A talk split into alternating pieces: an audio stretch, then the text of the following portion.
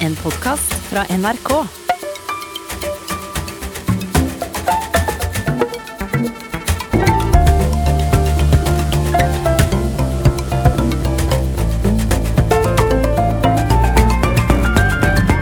Hjertelig velkommen til en eh, ny utgave av eh, Tore Sagens podkast med meg, Tore Sagen.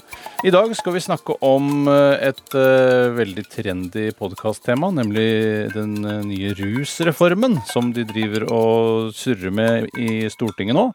Um, og for å snakke litt rundt dette, så har jeg invitert deg, Sturla Haugsgjerd. Hjertelig velkommen hit. Takk.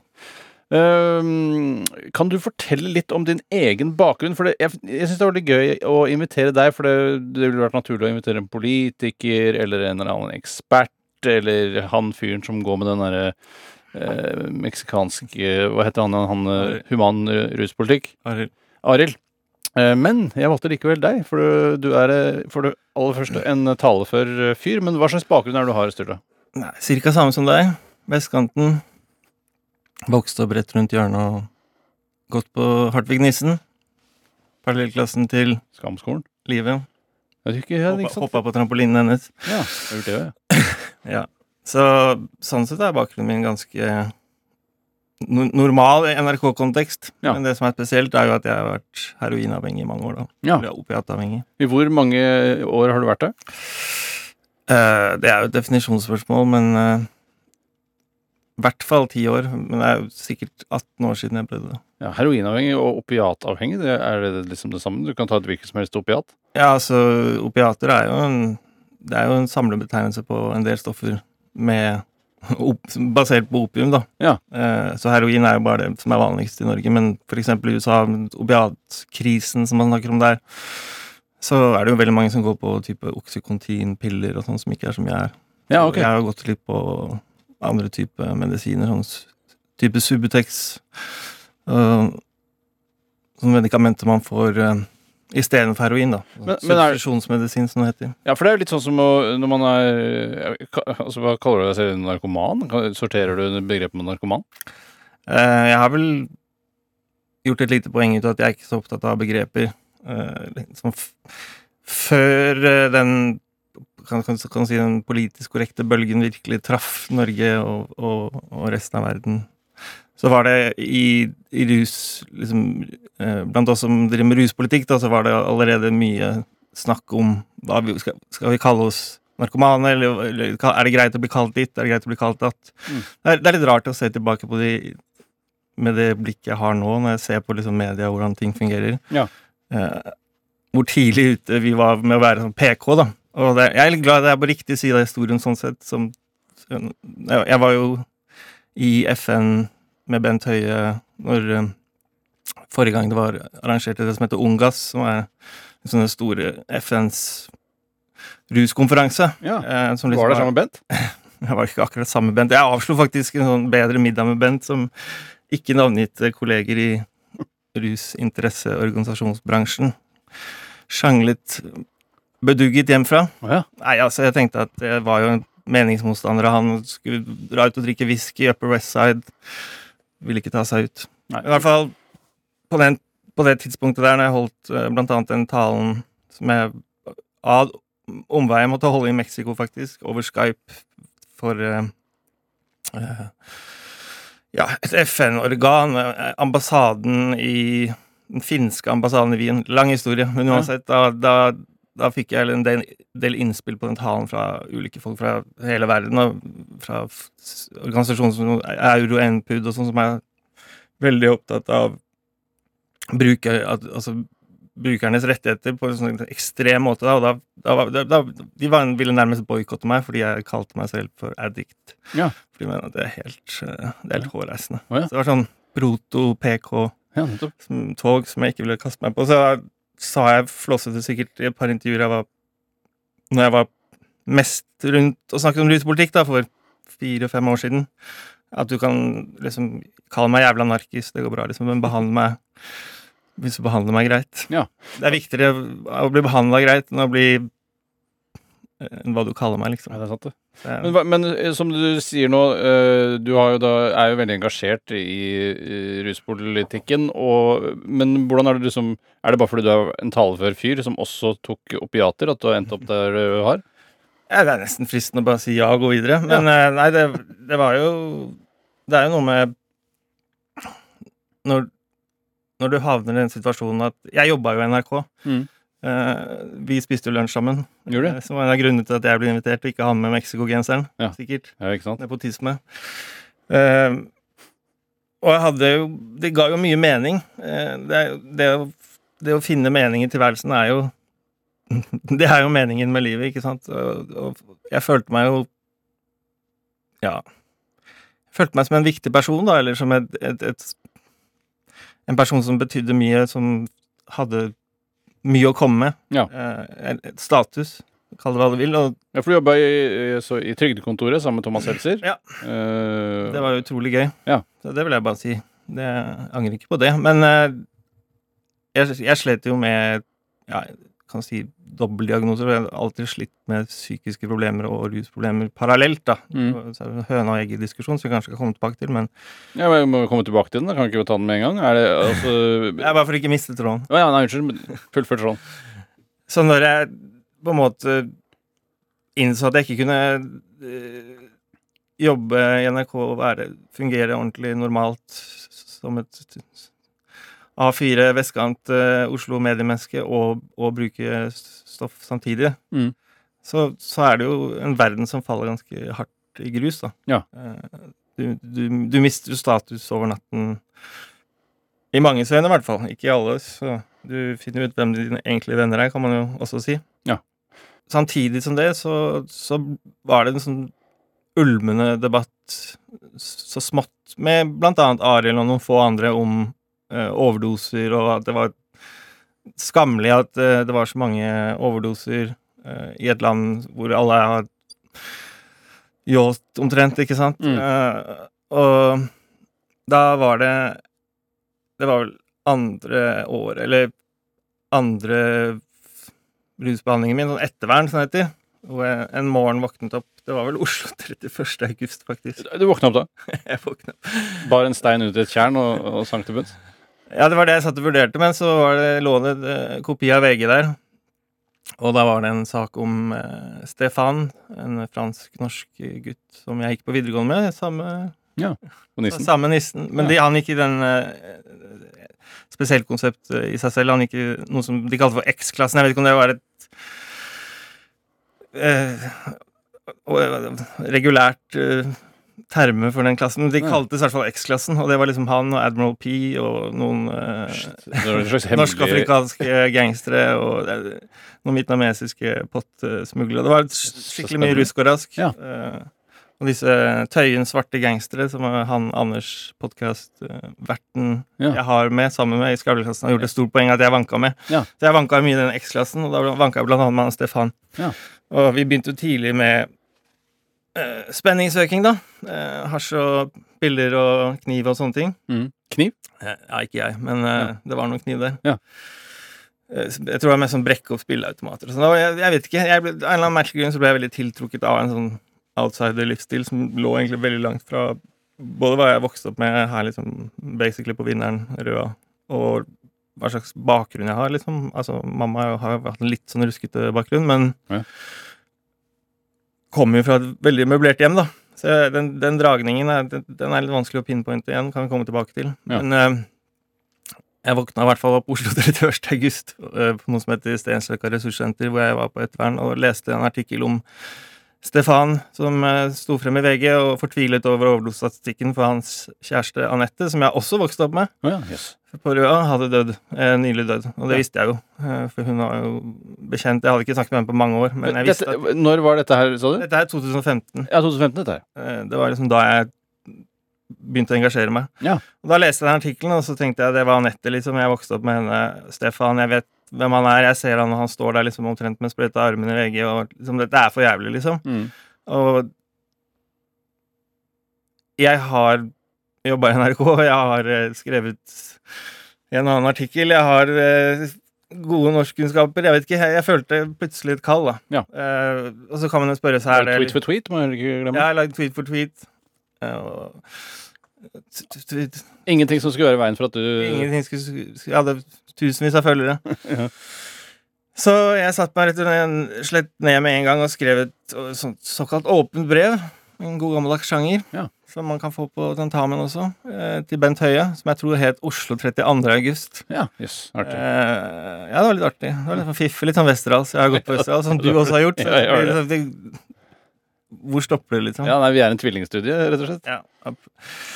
Så det konseptet med artikkelen var rett og slett eh, at han ga mye fokus på overdose fordi Oslo eller 31. august, som også sikkert er grunnen til at Joakim Trier kalte filmen for det, er jo overdosedagen. Ikke bare i Norge, men internasjonalt. Oi, det visste ikke jeg. Mm. Men det driver karakteren til Anders Danielsen de Driver han øh, Han dør av overdose i siste scene. Det han dør av? Han går ikke ut i tjernet der og dør, nei. Det er første scene. Nettopp. Han vil ta livet av seg fordi han er fortvilet eh, rusavhengig. Ehm, og konseptet mitt var Bent Høie du, det, det er fint og flott at du bryr deg om oss i dag, liksom, eller i går, da. Men uh, hva med de andre dagene? Liksom, hva med 32. august, alle de andre mørke dagene? Ja. Uh, og så er det vel, det er, gjorde jeg vel et poeng at det er ca. én som dør i om dagen. Uh, liksom. Er det såpass? Altså, Ja, det er 369, eller Ja. Så, ja, så det var, og så var det mange fine vendinger, og Hans Petter Sjøli var fornøyd, liksom. Og da, da rulla ballen videre. I VG. Ja. Men sier du at du åpna øynene til Bent Høie, eller var han en sånn øh, ja, hva skal jeg si, rusliberal fra før av? Ja, han var eh, typisk sånn rusliberal rogalending med brettspill. Nei, det tror jeg ikke. Jeg tror Bent Høie er eh, Bent Høie er liksom som en eh, Hva skal jeg si om Bent Høie, da? Har fått, man har jo fått ganske sterkt inntrykk av ham nå under den koronakrisen. Har jeg har jo møtt han ganske mye. Nå hopper vi litt, selvfølgelig. Jeg mista kanskje litt tråden her, men Bent Høie er liksom som et blankt ark som du kan male på. En slags lerret. Ja. Eh, de, de fineste fargene vinner, liksom. Er ikke det en fantastisk egenskap i en politiker, da? Jeg vet ikke. Det spørs jo liksom Det spørs hvem som har penselen, da. Men du, nå, nå hadde jo du penselen. Ja, jeg hadde, var en av de som hadde det. Eh, Men, hva, men ha, har nei, altså, for å være litt seriøs, så har jo disse eh, stortingspolitikerne og ministerne de har jo rådgivere. Ja. Eh, det, han har, er statssekretærer. Det er jo de som, er, det er de som er smarte. mm. Eh, og alt, alt handler jo om opinionsdannelse. Alle saker handler jo om Går det an å si nei til dette? Altså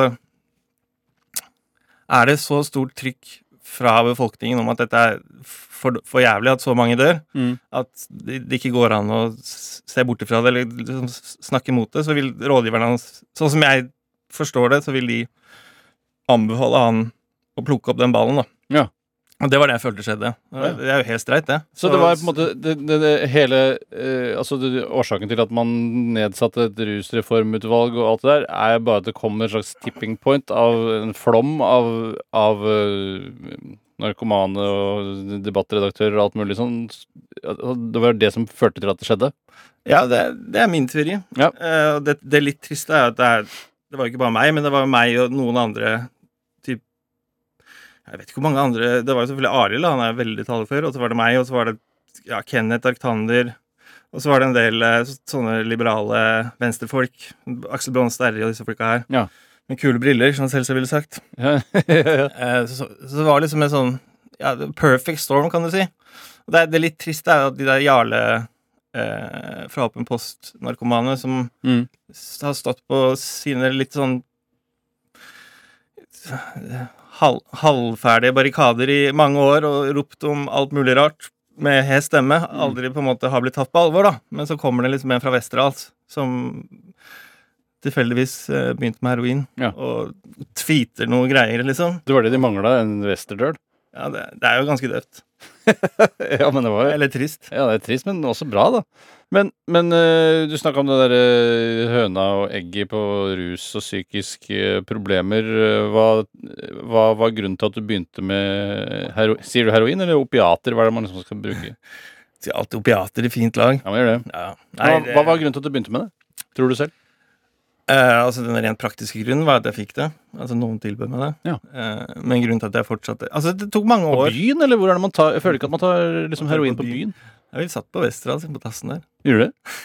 Ja, det, altså, vi var helt ute å kjøre. Altså. Men det var var røyka det var- heroin, eller var Ja, vi har røyka, det har alltid vært Det var liksom det er en, Men Så satt ikke sprøyter? Nei, Nei. aldri gjort det. Er, Og da, da hadde du i en skje, og så Eller er det på Westerdals? Ikke bruk sprøyter. Varmer, da varmer du opp en skje, og så, og så inhalerer du det med pledd er over så huet? du er, Jeg, jeg er helt i- Eller bare later du som? Nei, Jeg later som 60% og så er det 40% for de som ikke skjønner det. Det er jo flere Jeg kan- jeg vet ikke medie, medie halvkjendis, komikerfolk som har vært snust bort på det. Det jeg. Jeg har jo verdens dårligste narkoradar. Jeg tenker at ingen bruker narkotika noe sted eh, rundt meg. Eh, og så viser det at alle er eh, colahuer og røyker pott hver morgen før de går på jobben og sånn. Men For jeg er åpenbart da veldig streit. Ja. Men så jeg, Nei, vet du hva, jeg spør, jeg, jeg spør egentlig fordi jeg lurer. Ja, nei, altså Du Det vi gjorde i starten Dette er, altså, dette er 2002. Mm. Da var det rett og slett bare å mekke det i en joint. Så Å enkelt. ja, du kan gjøre det. Ja, du kan gjøre det. Jeg, er så idiot. Du kan, du kan faktisk snorte det, og du kan faktisk drikke det. Altså, så du Ja, men hva skjer med kona til han eh, sjefen i Pulp Fiction? Hun, eh, hun eh, blir jo dårlig av å ta det gjennom nesa. Ja, nei, altså Pulp Fiction De lærde strides om det er en dokumentar. ja, ja, men jeg kjøper jo at Quentin Tarantino har, sjekka det. Eh, Så man kan gjøre det. Ja, for den er den kule musikken. Ja, Så, liksom, kult soundtrack. Så, så, så soundtracket gjør det veldig lett å spise. Eh, nei, hun Hun tar vel rett og slett en overdose. Hun snorter noe Jeg husker ikke hva de kaller det. Det var noe Sterke saker. Ja. Men eh, sånn som jeg røyka heroin til vanlig, da, som avhengig, Mm. det er jo med, med, med aluminiumsfolie. Ja. Du, du brenner opp aluminiumsfolie med et liksom rør som du lager. Rett og slett sånn som man ser. Sånn Eh. Trainspotting Sånn som de, ja, trainspotting og Ja, det er jo sånn de røyker crack òg. Men en ting som jeg husker du fortalte meg som jeg bet meg merke da jeg var gjest i din podkast, Skravleklassen, for noen eh, år tilbake, det var at uh, når man snakker om uh, folk som er avhengig av uh, heroin, og som bare 'Nå må jeg ha meg et skudd', og alt det greiene der, så at man må ikke glemme det at det er utrolig digg. Nei, man må ikke det. Eh, fordi man gjør det eh, også fordi det er digg, ikke bare fordi man Altså, det er jo kanskje en slags høna og egg-problematikk der òg, men, men det er skikkelig digg. Ja, Det er klart det er det. Eh, så- så det begynner Men hvor lenge er det digg, der? Blir, kommer det et tidspunkt hvor man på en måte Shit. At man innser at man, om man ikke har et problem, så i hvert fall sånn Shit, nå er Skjønner man at man er avhengig av heroin? Man skjønner det. Man skjønner det ganske greit. Man skjønner det ganske greit. Nei, det er, det er jo det at du får abstinenser når du når du ikke bruker det. Ja. Og da blir du liksom basically veldig influensaaktig syk, da. Får du det Når får man det? Etter å ha brukt det bare et par ganger? Nei, nei. Det, som sagt, det tok jo åtte år nesten med av og på. Ja, ok, Så det, det er bare partyrøyking i åtte år? Ja, Så altså, jeg drev jo med alt. Ja. Så Alt du kunne få tak i? Grunnen til at vi snakker om heroin nå, er jo det mest spektakulære, klikkvennlige temaet. Vi, var jo, jeg var jo på byen og drakk og festa og sovepiller og poppers og ja, alt, alt, alt vi kunne få tak i, liksom. Ja. Vi, som, vi som aldri ville legge oss. Ja. Så heroin var jo bare én av mange ting. Eh, men så hadde en del Ja. Det, det, livet ble vanskelig, og da eh, Da var det liksom Å ja, bak i hodet Det funka ganske bra. Mm. De der ecstasy-greiene ble jeg ganske sliten av. Men så det til slutt du blir tatt igjen av, av narkotika, på en måte? Eller altså Hvis du fortsatt kan få tilgang på det og holde på, så kan du fortsatt fungere da? Eller? Ja, ja, herregud. Eh, Jeg, har jo, jeg var jo i Thailand på en sånn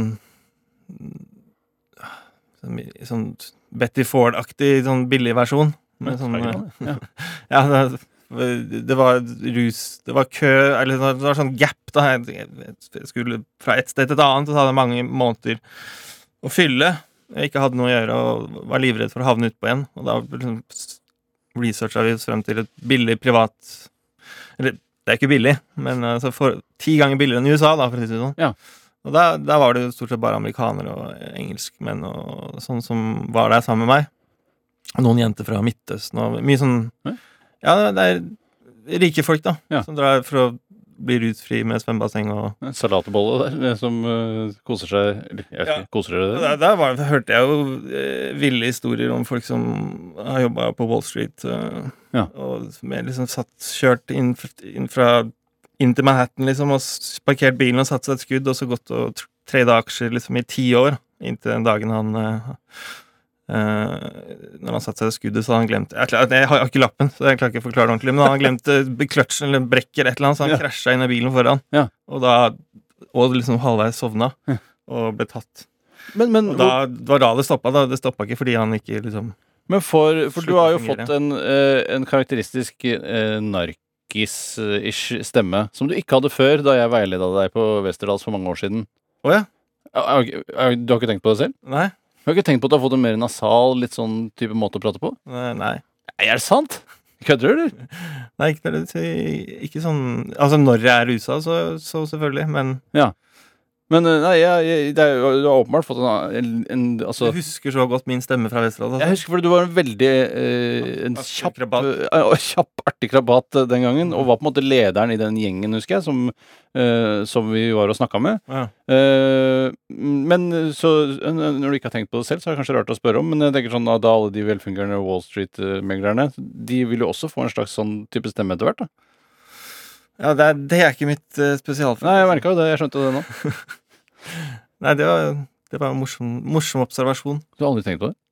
Nei, altså, det, det er klart, når jeg er påvirka, så, så forandrer jo stemmen sikkert seg. Men, Men- jeg har ikke sånn, det, er ikke, det, er, det er ikke noe jeg har sånn tenkt Men er du under behandling nå, eller hvordan, hvordan funker det når man liksom er skal, Nei, nå, nå har jeg vært i behandling eh, for eh, ja, fire måneder siden var jeg sist i behandling. Hva slags type behandling er det? Eh, det var her på Slemdal. Ja. Eh, Blå Kors. Ja, og hva gjør man der? Der gjør man ingenting. Spiller er fotball og ludo. Ja. Nei, det, er et, det, er, det er et slags opplegg der. Men ja, jeg vet ikke hvor mye vi skal gå inn i hva jeg mener om norsk rusbehandling. Nei, nei, Nei, nei, eh, vi skal egentlig snakke mest om hva du mener om norsk ruspolitikk. Ja. Um, um, men nå føler jeg at nå som denne rusreformen har kommet, at det liksom har blitt såpass stuereint å snakke om eh, dette med avkriminalisering, som jo man ikke må blande med legalisering, som noen få fortsatt driver med. Eh, og avkriminalisering, det handler jo om at du da ikke kan straffes, men du blir utsatt for noe som kanskje er mer nedverdigende, som er sånn opp i en nemnd i kommunen og snakke med de, og angrer du på dette, og nå skal vi hjelpe deg, og vil du ta imot hjelpa, og sånne ting. I, I korte trekk, er det ikke det det handler om? Ja, så, som jeg sa til deg før sending, så øh, Eller ikke før sending, da, men vi har prata litt i forkant, så har ikke jeg, jeg har ikke oppdatert meg så veldig på de, de faktiske forhold rundt rusreformen, for å være helt ærlig. Jeg, var med å kjempe fram for forandringen. Ja. Jeg har liksom aldri interessert meg så mye for sånne detaljer. Men hovedendringen Men, er jo at man ja, ja, skal gå fra straff til hjelp, da. Ja, Ja, det- den er grei. så, såpass kan jeg svare på. Ja. Men uh, spørsmålet ditt om den er mer nedverdigende, det kan du si, men det blir litt sånn, veldig kosmetisk argument. Altså, det, er, kanskje mer nedverdigende å måtte gå til en nemnd og, og liksom få hjelp, men uh, det er jo tross alt mye verre å ende opp med bøter oppe til eh, oppe etter halsen og måtte sitte ut og inn av soning hele tiden. Ja. Og det som er veldig ille med det Typisk, typisk historien om norske overdoser er jo da en som eh, samler opp masse bøter fordi det gang på gang blir tatt med ett gram, to gram, fire gram, fem gram. Fordi de gjerne driver selger litt smått for å eh, finansiere eget bruk. Eh, og det er jo det litt Det er forhåpentligvis mye av det rusreformen handler om nå, da, på en måte. Jeg, vi kan komme inn på det også, men jeg mener jo at liksom det er store illusjoner om de såkalte bakmennene også. Men i hvert fall de, de, de små, brukerne, da, som, som hele tiden blir tatt med ett til fem gram, de ender jo opp med enorme bøter eh, gang på gang på gang, som de ikke kan få betalt, og så må de da sone. Og så går de, kommer de ut og inn av fengselet, og i fengsel blir de da rusfri, så, Mm. så å si. Eh, Nå er det vel faktisk noen fengsler som tilbyr Subutex og sånn, men i hvert fall i mange mange år så har det vært sånn at de blir de blir jo på en måte tørrlagt, da. Ja. Og det som skjer da, er at når de kommer ut, så har de ikke toleranse. Setter seg en smell første dagen etter eh, eh, Etter å ha vært eh, i fengsel og kanskje er aleine. De skammer seg. De har kanskje sagt til venner og familie at de har skjerpa meg, slutta, fikk hjelp i fengsel, møtte en prest, bla, bla, bla. bla. Så de setter dem på dass et eller annet sted, og så Det er jo sånn folk ryker, da. Ja, dette er det klassiske forløpet, liksom. De fleste som dør av overdose, det er de som kommer rett ut av behandling, eller som blir kasta ut av behandling, eller som kommer ut av soning. For eh, det jeg egentlig skulle fram til i stad, var jo også at eh, nå har det blitt så mainstream å være på en måte for denne avkriminaliseringen at det, det, det er liksom eh, eh, nå har det liksom blitt like kontroversielt uh, å være uh, skeptisk til Eller å være uh, ruskonservativ eh, som å kritisere transpersoner, liksom. Eh, nå, nå er det ikke snakk om noe annet enn å gå for dette i en eller annen form. Nei, i hvert fall ikke blant liksom menings... eh, eh, hva skal man si menings, De som fremstår som meningsdannere, de som på en måte har høy status på Twitter, og de som, de, som man, de som man tenker er de som på en måte bestemmer i samfunnet, det, er, det, det kan man jo diskutere om det er en illusjon, om, det om det er et lite mindretall som Ja, kan ikke, kanskje roper høyt, men som, som ser ut til å ha stor rekkevidde. Ja. Men jeg ser helt klart poenget ditt at det å Uh, Ja, det, igjen, det, det, det, se, se hele den debatten nå med de brillene gjennom alt som har skjedd de siste årene med disse debattene som du, du peker på. Mm. Uh, det er klart at jeg syns jo det er helt eh, idiotisk om det ikke går an å være ruskonservativ. Det, eh, jeg ble jo for øvrig ansett som i visse kretser i sånn venstre, kule briller, eh, liberal verden for å være viss en viss grad av ruskonservativ selv, da. For jeg, jeg hadde mer eh, Jeg har jo litt mer meninger om liksom skal, eh, Altså, en del av disse folka har jo stort sett bare opp, hatt oppturer. De aller fleste tror jeg har ikke prøvd heroin heller, men jeg hadde jo litt mer reservasjoner da, rundt liksom eh, MDMA-hallelujastemningen og alt Ja. eh, liksom ja, LSD fører ikke til psykoser, det er bare nærmest fake news og ja, så nå er jo folkeopplysningen har friskmeldte, og det er ti ganger sunnere enn å være vininteressert, eh, Mm. nesten. Altså, det, det har jo på en måte blitt ja, det har jo blitt mainstream å være, i hvert fall for denne avkriminaliseringen. Da. Men i dag så var det jo da en undersøkelse som ble mm, sluppet i Klassekampen, hvor det, det er jo bare 22% som støtter forslaget altså om, om avkriminalisering, altså sånn rusreformforslaget sånn som det ligger i dag. Og det er ikke så innmari mye, da. Altså, det, det er et spørsmål eh, på Det er ikke populisme, liksom, å trumfe gjennom det forslaget her. Nei, det er, det er kanskje ikke direkte populisme, men det er vel, jeg tenker at 22% er vel stort nok tall til at man på en måte må i hvert fall være lydhør overfor det. Men det, det, det er litt som du er inne på. Det, altså de, det er jo en slags twitterat som har pusha deg gjennom. Mm. Det er ikke, det er ikke den store Det er ikke den store vaffelbeltet, liksom. I, det er ikke undersko, underskogen av det norske samfunnet. Og det, det merker du jo veldig, sånn som meg, som er en del i behandling, og møter folk som på en måte klassiske narkomane, da, som ikke er, har gått på Westerdals og ikke henger med Minerva-folk. De er ikke stort sett for eh, så veldig liberal ruspolitikk selv. Nei, for det, det er jo de. litt sånn som De, eh, de fleste er veldig glad for å slippe bøter, da. Men uh, det er, mye, det er veldig mye rusmoralisme blant Blant eh, avhengige Ja. som, eh, rundt og forbi. Og det, men det, det handler jo litt om de Jeg vil ikke kalle, akkurat si kalle hjernevasking, men det blir, de, de blir jo liksom indoktrinert i de behandlingsforetakene eller den type filosofien som ligger bak de foretakene de er- er innlosjert i, da. Eh, Så jeg vet, ikke jeg, jeg, har jeg har alltid vært litt skeptisk til liksom, skal, skal, om man skal høre for mye på liksom skjebnene Mm. i de ulike sakene. Man Ja. så kan liksom eh, spasere litt utenfor bare ruspolitikk også. Så er det liksom Selvfølgelig, man skal høre på de som har blitt utsatt for det ene og det andre, og de som har opplevd Jeg tør nesten ikke å nevne eksempler engang, men folk skjønner hva jeg mener. Ja, nei, det Eh, men man skal være litt skeptisk også til den type sånn skjebneorientering. Man det, er ikke sånn at folk nødvendigvis er eksperter på sitt eget si- si- sin egen skjebne, da. Ja. Det er ikke så nødvendig Ok, prøv, La oss prøve å finne et utrolig uskyldig eksempel her. Skogbrann. De som har blitt utsatt for skogbrann. Jeg hørte nettopp, nettopp på Tristan Harris, apropos noe vi kanskje kommer inn på som jeg er så opptatt av også, som er sosial medieavhengighet. Eh, han, huset hans brant jo ned i en skogbrann Ja. når han eh, lanserte den filmen Social Dilemma. Eh, Hva gjør du det? Ja? han er ekspert på sosiale medier. Eh, han er ikke ekspert på skogbrann. Nei. Eh, men han, har sikkert, eh, han fikk sikkert masse henvendelser, og folk ville lure på hva han, mente om, hva han mener om skogbrann, og hva han mener om at huset brant ned, hva han mener om forsikringsbransjen, og hva han mener om ditt, og hva han mener om California og klima, og det ene og det andre. Mm. Fordi han har blitt utsatt for det. Ja, men hva er øh, øh, Hva Altså, og avkriminalisere av narkotika, er det da første skritten på vei til noe, eller hva, har du en formening om hva det er som er endløsung på narkotikaproblemet? Fra skogbrann til skal, nå skal jeg være forsiktig. Ja, det var, den var Skal, skal det legaliseres til slutt, liksom? Er det det altså, beste? Det vet jeg ikke, men jeg mener jo at avkriminalisering er bare i beste fall et skritt på veien. Altså, det løser Skritt på veien til hva da? Hva er det man skal ende opp med, da? Nei, altså, vi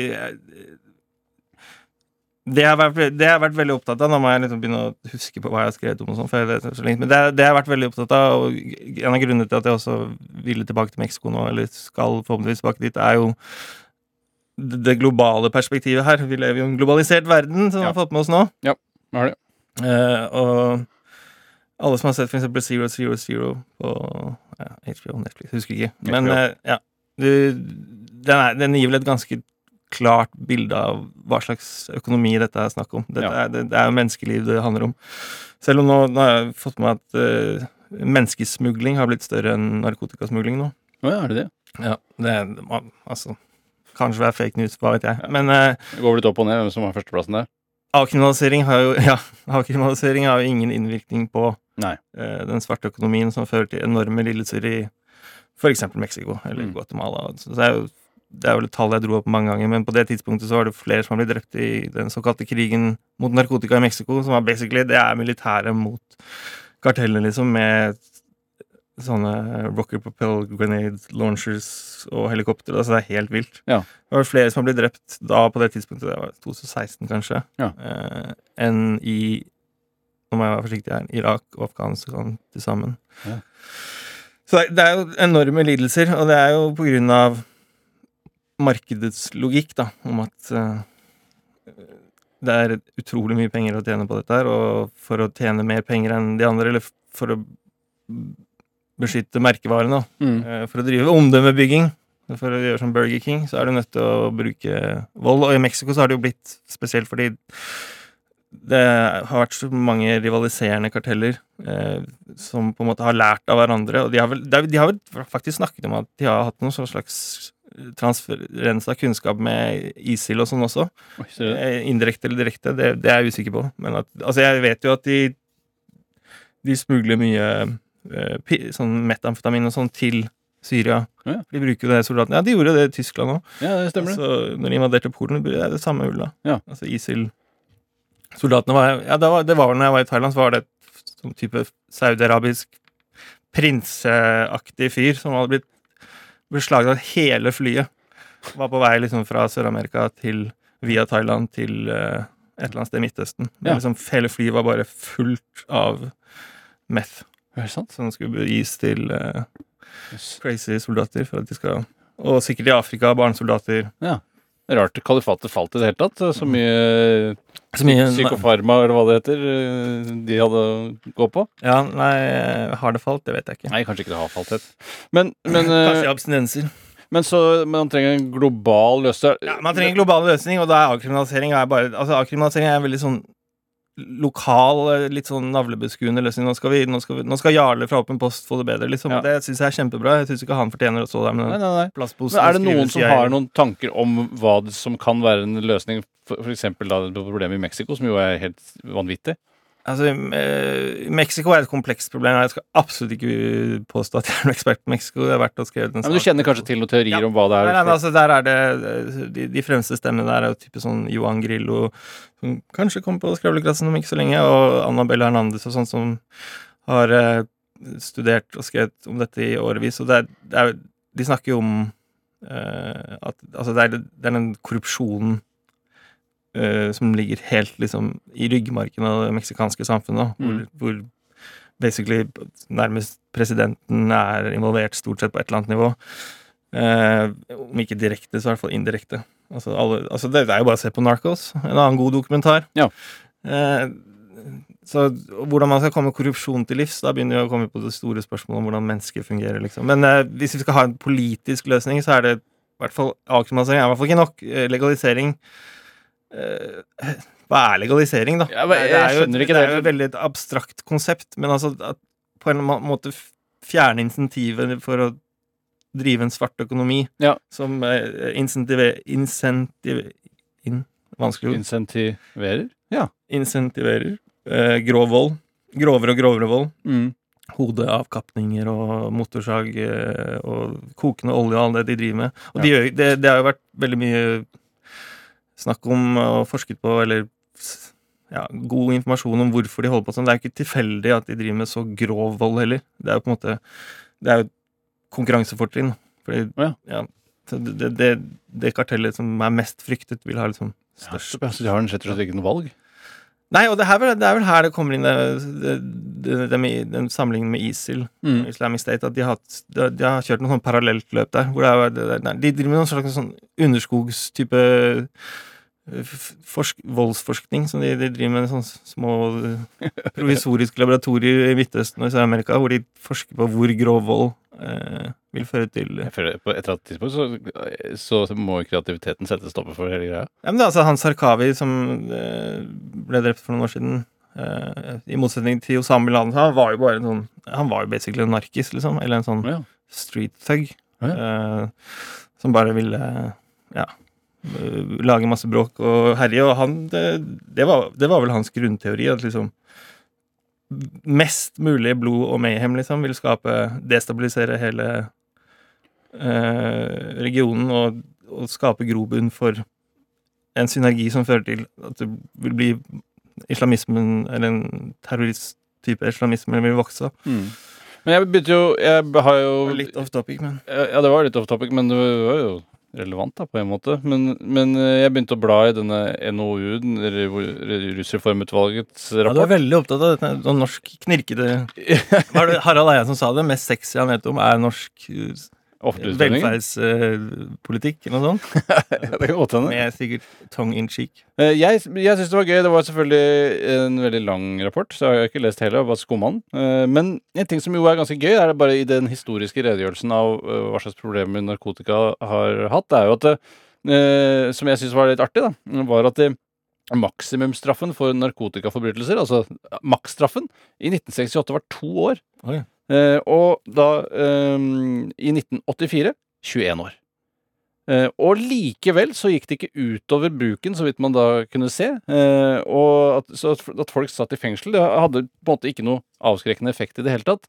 Men, og derfor er det jo også rart å tenke at uh, all forskning peker jo på at hvis man avkriminaliserer, så vil ikke bruken øke. Som jo er sånn En hvilken som helst eh, dame på i Egersund skjønner jo ikke at det Jeg skjønner det nesten ikke selv at det kan være tilfellet. Hva tror du er grunnen til at man liksom ikke Hvis tilgangen er der og det ikke er forbudt, hvorfor, ikke, hvorfor begynner ikke folk med det?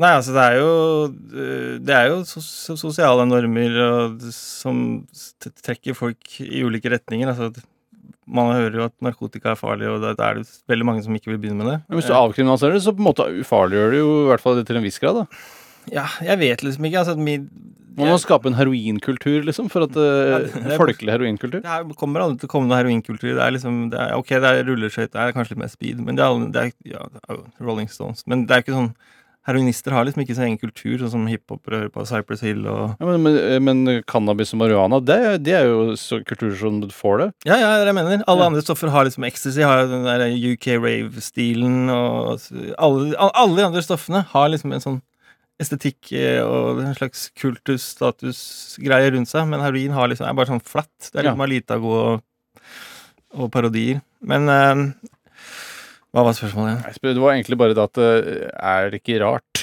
at man Folk at man- flere at ikke man begynner med det hvis man avkriminaliserer det. Uh, I hvert fall nå som man på en måte begynner å lære at det, det er egentlig ikke så farlig rent helsemessig. Nei, men altså Det jeg tenker i den forbindelse, er jo at vi Og det er et av de poengene Nå kommer det til meg, for det er en stund siden jeg har vært diskutert det, å varm på dette nivået. Ja.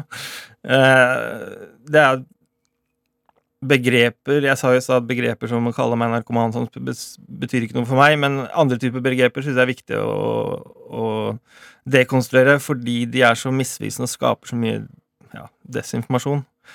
Eh, for eksempel begrepet narkotika. Altså Ja. jeg, det var, Jeg husker ikke om det var jeg som sa det, eller noen som sa det, men uh, hasj og heroin er like mye til felles på mange måter som en penn og en lastebil. Liksom. Det er, det er, hvorfor skal man putte det i en eh, Ja, er det så forskjellig? Ja, Ja. si det. Det er, det er helt forskjellig effekt. Helt forskjellig Altså, det som er likt, er jo at det er samme type svarte økonomi, da. Ja. Eh, Men det er jo sikkert penner og lastebil også, en del av Mm. store globale kapitalismen. Sannsynligvis. Eh, så sånn sett er det jo likt. Men jeg syns narkotika er et, et fjollete begrep som vi bare burde kaste. For det er mye mer relevant å snakke om ett og ett stoff. Ja.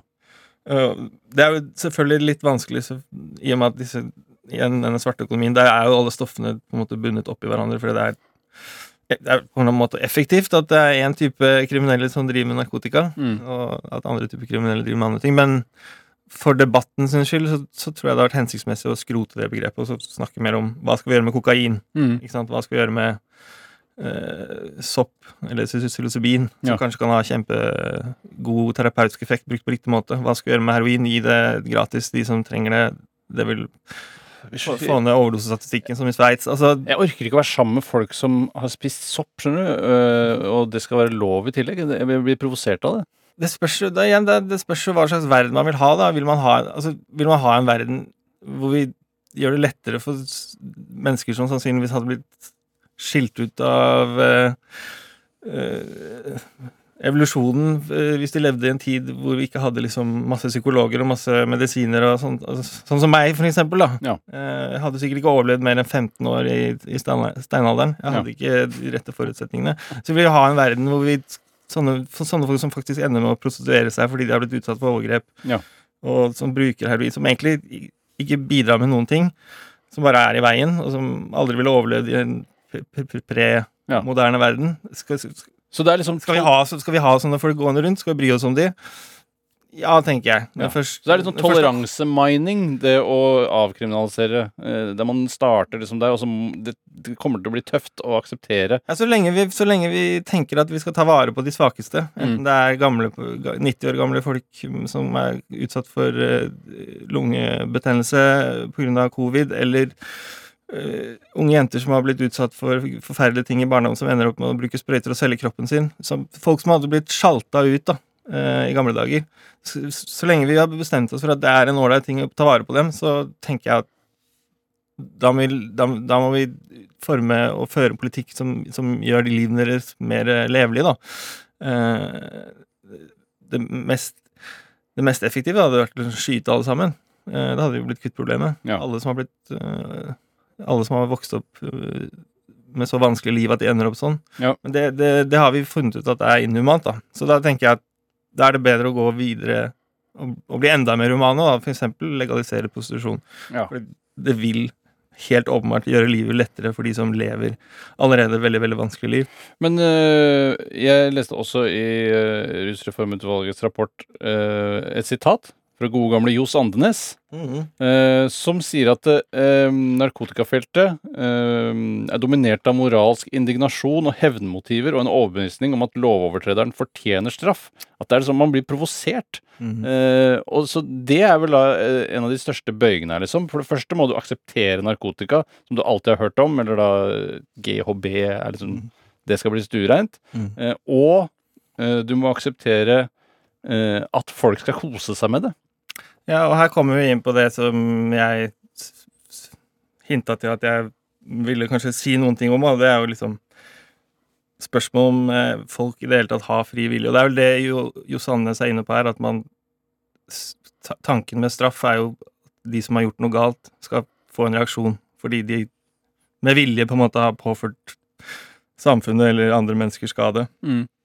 Men så er spørsmålet om er, er det en i det hele tatt, Finnes det i det hele tatt grunnlag for å si at folks handlinger er styrt av dem selv, da, eller at de har en Jeg syns det er vanskelig å finne norske begreper noen gang, men sånn Bruk engelske begreper. agency. Ja. Og det tror ikke jeg. Og det, det tror jeg er liksom mye av kjernen i eh, Sånn som jeg ser på rusdebatten, da. Eh, la meg ta dra det ned på jorda før jeg eh, flyr det opp i lufta igjen. Mm. Eh, blant de som bruker eh, eh, tunge rusmidler, da, de sprøytenarkomane, la oss si det sånn, så er det 50 ganger så stor andel matematikken her 50 ganger så mange sprøytenarkomane har blitt utsatt for ett av seks traumer i barndommen. Ja. Og det, det går på en skala fra oppbrudd i hjemmet, alkoholisme i hjemmet, helt til liksom de groveste Halvparten av de har, har opplevd en av disse tingene. Nei, nei. 50 ganger så mange 50 ganger så mange! som en normal person. Ja. Eh, jeg var i intervjuet han som fant eh, Som gjorde, eller oppdaget denne studien i eh, La, La Hoya, eller i Universitetet i San Diego, Vincent Felletti. Han hadde rett og slett en tanke om at han skulle finne ut om det var noen Hva var det? Sammenheng mellom røyking og overvekt og depresjon, eller noe sånt. Altså, du vet jo hvordan forskerne holder på med sånne Mm. metadata og samler kryss. Ja, jeg klarer ikke å forklare helt hvordan det er, men du, du, du finner veldig mange mennesker, og så ser du korrelasjoner. ikke sant? Ok, han er overvektig og, og deprimert. Ok, røyker og deprimert. Og så begynte han å se på flere og flere eh, parametere, og så begynte han å se på ting, opplevelser i barndommen. Eh, og sakte, men sikkert peila seg inn på tall som ble høyere og høyere. Og sånn type folk som har blitt la oss si, utsatt for incest, da kanskje et 2000% større sjanse for å bli overvektig, og så Ja. 5000 større prosent sjanse for å bli tunge rusavhengig, da. Så, så det er jo en ganske god pekepinn på at en del folk er kanskje Det er hardt å si det, men dømt til sin egen skjebne. Ja. Eh, for det, veldig mye handler jo om det man kaller for behovsutsettelse i barndommen. Jeg vet ikke om du har hørt om det som jeg og Anders på Skravelkassen snakket om, det, eller Mars Marshmallow-studien. Eh, den er vel noe debattert, men Ja, det er det, ja, det er den hvor du gir barna godteri? Ja, ikke Ja. sant? Og så Ta den kjapt, da. ja, nei, så de, de, de, jeg vet ikke om marshmallow høres helt absurd ut. det Hvem, hvem liker marshmallows? Men la, la oss si noe godt, noe som faktisk er godt. Salt, saltsild eller sursild. da. Ja. Du gir de De ga barna eh, noe, noe godt, eh, og så på hvilke barn som klarte å vente med å spise. Ja, for de ville få mer hvis de venta. Vi, vi, vi ville få mer, ikke sant? Og, og de som klarte det, så man sannsynligvis igjen Jeg skal ikke påberope meg å være en ekspert på hva de har endelig bestemt seg for. Jeg tror de har bestemt seg for at den har veldig mye for seg. Muligens noen, noen ting som ikke er helt vanntett, men Ja, for den er litt fram og tilbake. Først var den bestridt, og så så jeg den igjen var nevnt her i media for ikke så lenge siden. ja, jeg, jeg, jeg, jeg føler meg ganske sikker på at det er veldig mye hold i den. Ja. Eh, Men som jeg Det sa jeg også med Jeg testa det på mine egne barn, det virker ganske troverdig. det, det, jeg, jeg sa jo det i debatten rundt uh, den Rat Park med Johan Hari han, i- Det må vi også snakke om. Ja, at så lenge han har 60% rett eller mer, så er det mer enn nok, liksom. Ok, Uh, det, det er min mening, da. ja, og jeg, jeg mener han har 69% rett. ja. Men eh, behovsutsettelse er jo noe som skiller eh, veldig sterkt mellom mennesker ettersom de blir eldre. Det begynner med denne marshmallowen, ikke sant, og så kommer det til barneskolen hvor man ja, så, altså, så enkle ting som hopper over lekser for å leke med springkniven, eller Det er kanskje litt tidlig på barneskolen. Men altså, å utsette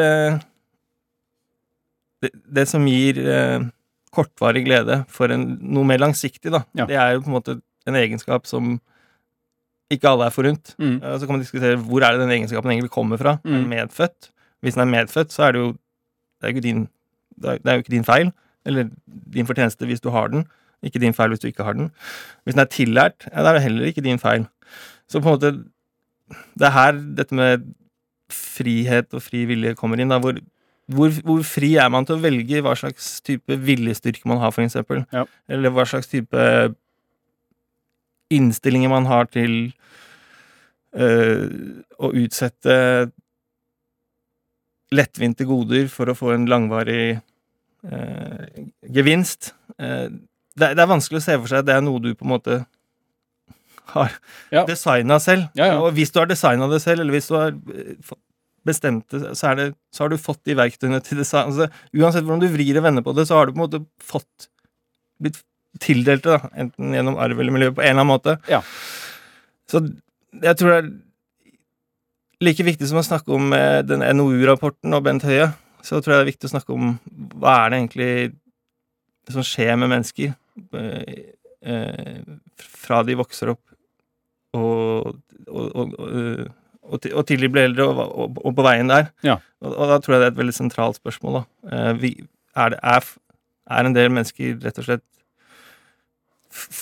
dømt til, eh, om ikke en sånn totalt pinpointa Han, han, han kom på bo, bo på sånn bolig på Torshov og være heroin. Han er dømt til et mer type miserabelt liv. Ja, Men det kan ikke være kontroversielt å si at noen har en predisposisjon som gjør at de er mer utsatt for avhengighet av alkohol eller narkotika. Jeg mener, jeg kan drikke uendelige mengder eh, alkohol i ukevis Mm. uten Og så plutselig brått stoppe. Eh, mens eh, en som da er alkoholiker, kan jo nesten ikke se på en pils engang eh, uten at han på en måte Altså, han klarer ikke å styre seg. Nei. Eh, det er vel ikke kontroversielt i seg selv, og så er jo bare dette her bare en utvidelse av, eh, av den tanken, da. Ja, nei, det, er- det, det er ikke kontroversielt å si at noen Men det er liksom en sånn eh, Det er en sånn cop-out-innstilling. Men jeg da sier liksom at noen er predisponert. Eh, Jeg, jeg drar det vel litt lenger og sier at noen er rett og slett dømt til eh, å ikke fikse livet på samme måte som andre, og vil eh, by accident fordi de møter uh, Jarle på hjørnet, eller ditt og datt skjer, ting utenfor rettskontroll, kontroll, ender opp i ulike situasjoner. Altså, de, de er biljardkuler, liksom. og hvis de er det, så hvor, hvor, hvor mye logikk Tilbake til Jo Sandnes. Hvor mye logikk eh, ligger det i da å straffe dem for den oppførselen som de påfører stort sett seg selv, da, men vi kunne jo selvfølgelig dratt det videre og snakket om morder også. Eh, det syns jeg hadde vært interessant. Men, eh, men det vi ser nå, da, som jeg hadde håpet du kunne snakke litt om, er jo at hele resten av samfunnet også La, la oss si vi som, vi som spiste marshmallowen med en gang, Mm. meg og de andre. Mm. Vi er jo tross alt sikkert et slags mindretall, i hvert fall i Vesten. Men nå, med den nye teknologien og sosiale medier, så ser vi at alle blir gjenstand for uh, uh, en konstant eh, eh, press for å motstå eh, behovsutsettelse. Altså I sosiale medier, hva, hva mener du da? Nei, altså Jeg vet ikke om du har hørt om eh, eh, bakgrunnen for Instagram og sånn. Det er jo Det var jo sånn veldig sånn kjent kurs som var på Stanford. Ja. Ledet av en eh, behavioral scientist, behavioral psychologist, BJ Fogg, som var lærer for veldig mange av disse folka, blant annet han Tristan Harris og de som starta Instagram. Mm. Eh, et kurs som het eh, eh, persuasive, Behavioral Persuasive Design, Ja. hvordan man skal bruke menneskelig psykologi. Han, han sier jo det handler, det handler egentlig veldig lite om teknologi, det handler veldig mye om psykologi. Hvordan skal vi bruke forståelsen vi har av menneskelig psykologi til å få folk til å reagere på ulike måter. Og det er den enkle modellen han snakker om, som i stor grad har inspirert f.eks. Instagram, så jeg regner med at du kan være enig i at mange fremstår som avhengig av på en eller annen måte. Ja, En anerkjennelsesfiks Ja. som de må ha der. Ja, ikke sant? For det, det handler jo om dopamin, eller det handler jo om serotonin-utløsning. Det handler om Mm. et slags kick. Det er jo Hvis du har en høy grad av motivasjon og en, en lav terskel for innsats, eh, og en, det han kaller en hot trigger, så har du en perfekt eh, løsning for å få folk til å bli engasjert, da. Ja. Så hvis, hvis du La oss, si, la, la oss ta, ta Instagram, da. Så er motivasjonen Jeg vil vise vennene mine hvor flott uh, liv jeg har på Sørlandet om sommeren. Mm. Uh, det er motivasjonen ganske høy. I hvert fall etter hvert som det blir mer og mer en trend, så blir motivasjonen også øke. Ikke sant? For alle vil ha enda finere sørlandssommer og vise til enda flere. Mm. Så er det utrolig enkelt. Eh, med teknologien blir det enklere og enklere. Det er veldig lav terskel for å få delt dette bildet. Ja. Og så har du disse knappene, sånn likes og sånn, som gjør at det, det, det trigger veldig, for du kan hele tiden gå inn og sjekke. Ja. Eh, hvor mange er det som syns jeg hadde en flott sommer? Så dette, dette er eh, overførbart til på en måte eh, Eller er det en light-utgave av de som begynner med, med heroin, f.eks.? Altså det, det viser seg bare at mange flere egentlig lider av dette, eh, så lenge de finner sin drug. Ja, altså, jeg, jeg tror at Jeg tror jeg ville satt det på spissen og sagt at uh, samfunnet nå er øh, inn i en, en periode hvor vi kan nesten kalle samfunnet for avhengig. Ja. Eh, to, to, to, to, totalt sett, sånn som jeg ser det. Altså, du, du ser jo sånn som, uh, Det var det mest kjente eksempelet var han som starta Pinterest. Altså som, han, han sa vel rett ut at uh, dette her skal jeg aldri gi til barna mine. Ja. Eh, For dette er totalt Altså, det, det hijacker jo totalt hjernen, og ti minutter etterpå så sto han nede i garasjen og gjemte seg og scrolla sin egen app. Ja. Eh, Det, er, det er sikkert litt sånn maniert eksempel, men eh, de som, de som driver frem disse typer teknologiene, vet jo Eh, I hvert fall nå. Jeg vet ikke hvor mye de visste når de starta det, men de Ja. vet jo nå hvor ekstremt avhengighetsskapen er. Mm.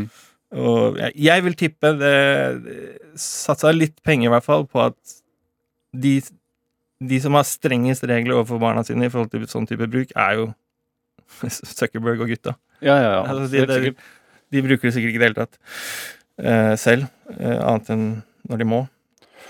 En annet enn på jobben. Ja, I hvert fall eh, eh, med heroin, eh, type heroin, så er det jo OK, du kan kanskje ha en veldig høy grad av motivasjon til å ville bøte på smerten fordi du Jeg sier ikke at alle som bruker heroin, har opplevd incest eller noe sånt, veldig mange, da. Så du har en høy grad av motivasjon eh, til å dempe den smerten. Og du må selvfølgelig fått informasjon om at det hjelper, da, men altså, hvis du prøver det én gang, så, så, så veit du at det funker. Mm. Eh, men terskelen for å, for å på en måte dra ned i byen for veldig, veldig mange folk, den er jo ekstremt høy. Det er ikke sånn at alle sitter med en slags heroin i lomma, liksom. Sånn de, hvis de plutselig får lyst, så kan de ta det. De må, man må liksom ned, ta trikken ned i Brugata, Ja. gå rundt, hvis du ikke har vært der først, må du gå rundt og spørre folk du kjenner. Ja. Eh, det er ganske høy terskel for veldig mange folk. Ja. Mens med sosiale medier så har vi fått måtte sette Sett på spissen, men fått heroin rett i lomma, da, alle mulige mennesker. Og vi, vi, vi, vi sliter jo med å motstå eh, kort, kortvint glede når vi blir utsatt for det Ja. hele tiden. Det, du sier jo dine egne barn at du ser det Jeg vet ikke hva hvilket type eksempel du sikta til der, men du, du ser vel det på barna dine, eller barna vennene til barna dine, at i den menneskelige natur så ligger det jo veldig sterkt instinkt om å ta en snarvei for Mm. å nå et mål. Jeg, jeg tenker det kan henge sammen med måten øh, måten vi levde på før. Altså, Det er nok sånn rent biologisk ikke så utrolig ulogisk. Nei, altså det tar jo jeg leste det tok- kunne ta tre måneder for, for et steinaldermenneske å jakte ned en bisonokse eller noe sånt. Ja, og da er det ikke sånn der, vet du hva, det er sikkert en større flokk her borte. Eh, Ja, Jeg vi- lar den passere. Ja, vi, vi, vi, hvis, vi, hvis, vi, hvis vi venter med den første marshmallowen, så tar seks måneder isteden, så får vi to. Liksom. Ja. Så vi er jo Vi har kommet et sted i samfunnet hvor vi er ekstremt mange mennesker som egentlig ikke har noen funksjon, på en måte. da. Ja. Eh, det er jo litt hardt å si det på den måten, men det er jo diskuterbart om man hadde en funksjon når man jakter på bison også, men da var det i hvert fall- da Ja, var det var det fall litt tydelige Men da var det i hvert fall drevet av sulten, da. Nå er det ikke drevet av av noen ting. Eh, nå klarer du det uansett. Men ehm, eh, la oss snakke om den derre For nå snakker man jo om det derre fikset dette er. Mm. Uh, og så nevnte du han Johan Hari og den derre Rat Park-greiene. Eh, Fortell om det eksperimentet og hva det var som var funnet, liksom, i- Ja. etter dette. Ikke sant? Nei, det, apropos igjen Narcos, jeg vet ikke om du har sett introen der. Der er vel et slags Jeg har sett første sesongen. Har jeg Ja, men introen, der er det vel en slags sånn uh... ja, er det noen rotter i ja, rotter i bur. Der, og det er vel en slags Det må være en hel dramatisering av den originale rottestudien, da, som viste at uh, rotter som bodde i et bur og fikk kokain eller heroin i vannflasker, uh, drakk seg i hjel etter en stund. Ja. Og så kom uh, han Bruce Alexander. han var også fra Nei, han er fra Simon Frazier, Canada, universitetet der. Ja, er det 70-tallet, kanskje? Eller 80-tallet? Og kom og sa ei, vent litt, det eksperimentet der virker veldig rart. Hvorfor bor rotten i et glassbur helt uten noen ting hvor leke leker med eller noen andre mennesker eller noe som helst? Så han bygget jo dette Rat Park, hvor han hadde det samme type eksperimentet med vannflasker med og uten kokain eller heroin. Men også fullt av andre rotter. De kunne kline og kose seg, og det var noen baller og noen greier ja, rottekliner. rottekliner. Og da viste det seg at de, de, de led ikke på samme måte. De, de fleste Ingen døde, eller basically nesten ingen døde, og eh, de fleste ble ikke avhengig. De, de trengte ikke den Ja, altså, for det, da, de, hadde andre, de hadde bedre ting å gjøre, da. man tok det til inntekt for at uh, et godt vennskap trumfer et virksomhetsnarkotikum. Og, Ja, Så kom jo da Det, det Johan Hari på en måte satt, gjorde, var jo å sette på spissen ved å, ved å øh, ved å sammenstille dette eksperimentet med Vietnamkrigen, hvor veldig mange jeg vet ikke Du har sikkert sett Platoon og sånn, hvor de sitter og junker øh, William Defoe, og, Ja. og så kommer de hjem eh, Fordi de har det grusomt der. De bor i en sånn malariainfisert eh, Vietcong-jungel hvor alt er totalt noia hele tiden. Mm. Og det gir mening. Og så var det selvfølgelig veldig tilgjengelig der. Det er jo det gylne triangel. Det gir mening å, å lette, dempe smerten. Mm. Eh, Men, men siden det var på en måte en sånn Vietnamkrigen var på en måte en sånn boble, da. Det var ikke det, Mange har sikkert uh, opplevd overgrep og så havna i Vietnamkrigen, det, men det blir veldig off point. Mm. Men uh, når de kommer hjem igjen, da, så har mange av de kone, barn, øh, liv Selvfølgelig mange kommer hjem og har mista bein og endt opp som sånn Tom Cruise i Fortet July, og det er sikkert en helt egen historie der. Men veldig, ganske veldig mange, eh, ifølge Johan Haar i hvert fall, kom hjem til et vanlig liv med venner og meningsfull tilværelse og vits da Kitty er og så videre, og da slutta de av seg selv. Ja. Eh, og, og det er vel det han prøver å si, det er at teorien viser seg å stemme. Da. Han, han er en veldig populistisk type forfatter. Igjen 69 rett. Eh, Det holder. ja.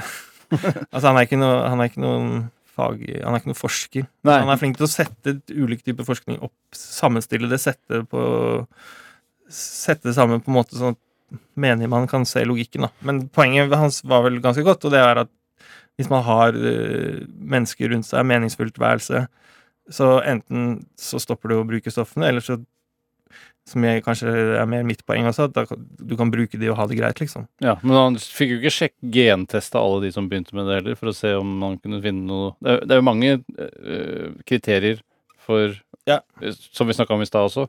øh, hvorfor du ender opp med å bli en, Ja. en misbruker. Ja. Genene er det jo foreløpig Eller det skjer vel ting der òg. Der er det foreløpig litt mer utfordrende å gjøre så mye, men oppvekstvilkårene er vel det viktigste parameteret for Ja. å liksom kunne stagge uh, en uh, type opiatkrise som vi ser i USA nå. Det ser vi de siste fem årene er det første gang ja, på 100 år eller noe sånt at eh, levealderen Han begynte å gå ned, ja. begynte å gå ned. Og det er jo, det er jo fristende å se til finanskrisen og tap av mening, tap av jobb. Det betyr jo selvfølgelig ofte tap av samboer, eh, ekteskap går i oppløsning. Mm. Plutselig står folk på bar bakke og begynner å poppe, poppe piller og dytte i seg junkfood. Men det er jo øh, Jeg husker da det derre den Jeg vet ikke hvor lenge siden Johan har Jeg følte at det kom en slags sånn bølge. Er det liksom typ fem, seks, sju år siden den boka kom ut? Kan det stemme? Det var, det var, ja, det er vel fem år. Ja. Fem-seks år siden. Men for da ble det på en måte delt som om eh, det ikke fantes noe eh, fysisk avhengighet knytta til narkotika. Mm. Eh, og er det noe man fortsatt forfekter, liksom? Jeg vet ikke Mann Ja, men jeg sier mann, for jeg har ikke noe Jeg, jeg kjører stråmann, jeg. Ja, ikke Steelman. Uh, jeg mener han eh, drar den veldig langt Ja, okay. på det området.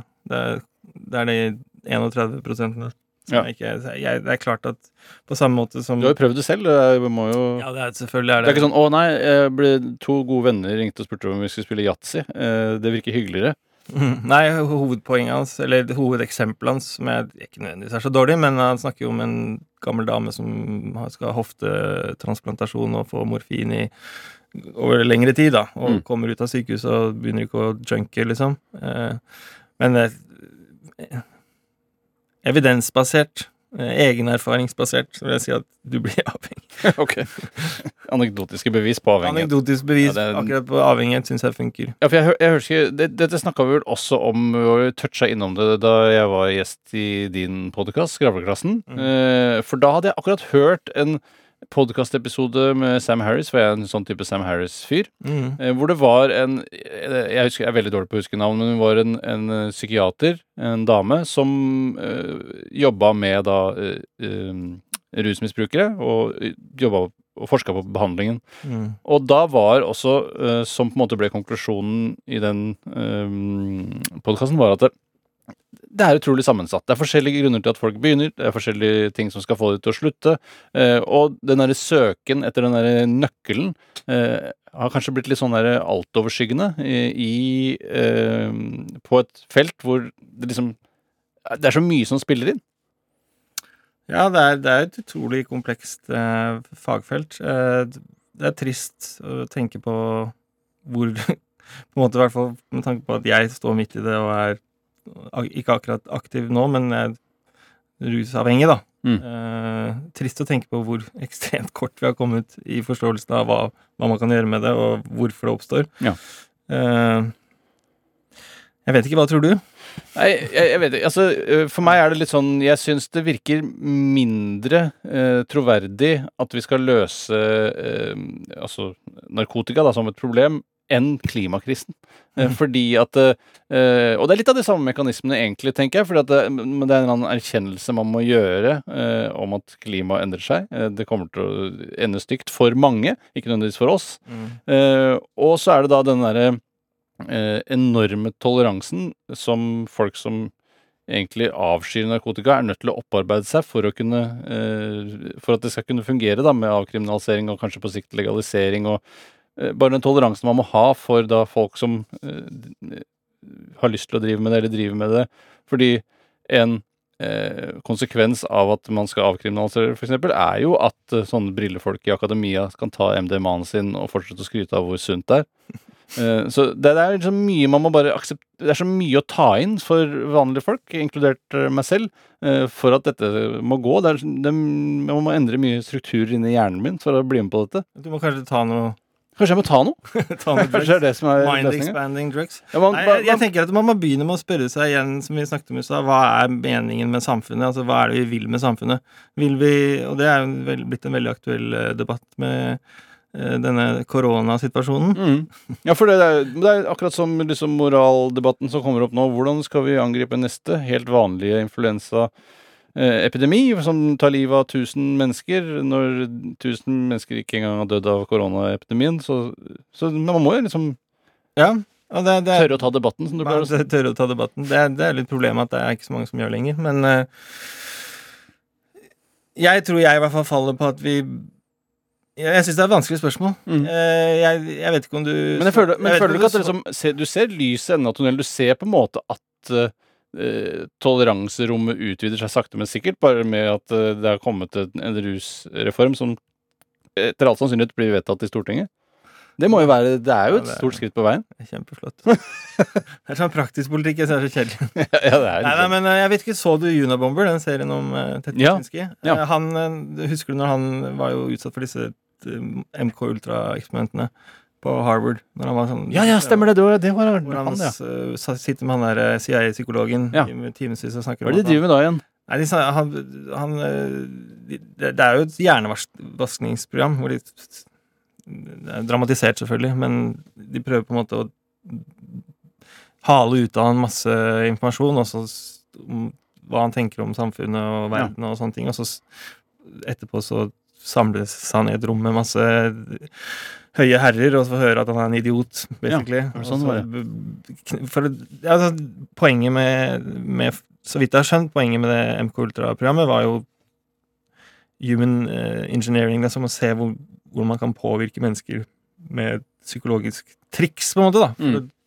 kanskje hjernevaske en russisk soldat eller Mm. en kinesisk spion, eller Eller ikke kanskje, men det, det er helt klart det, det er det de ville oppnå. Men det, det husker jeg i hvert fall poeng, Det var ikke poenget. Poenget var at han, han sitter jo da og greier ut om det vi snakket om i steinaldersamfunnet, at eh, eh,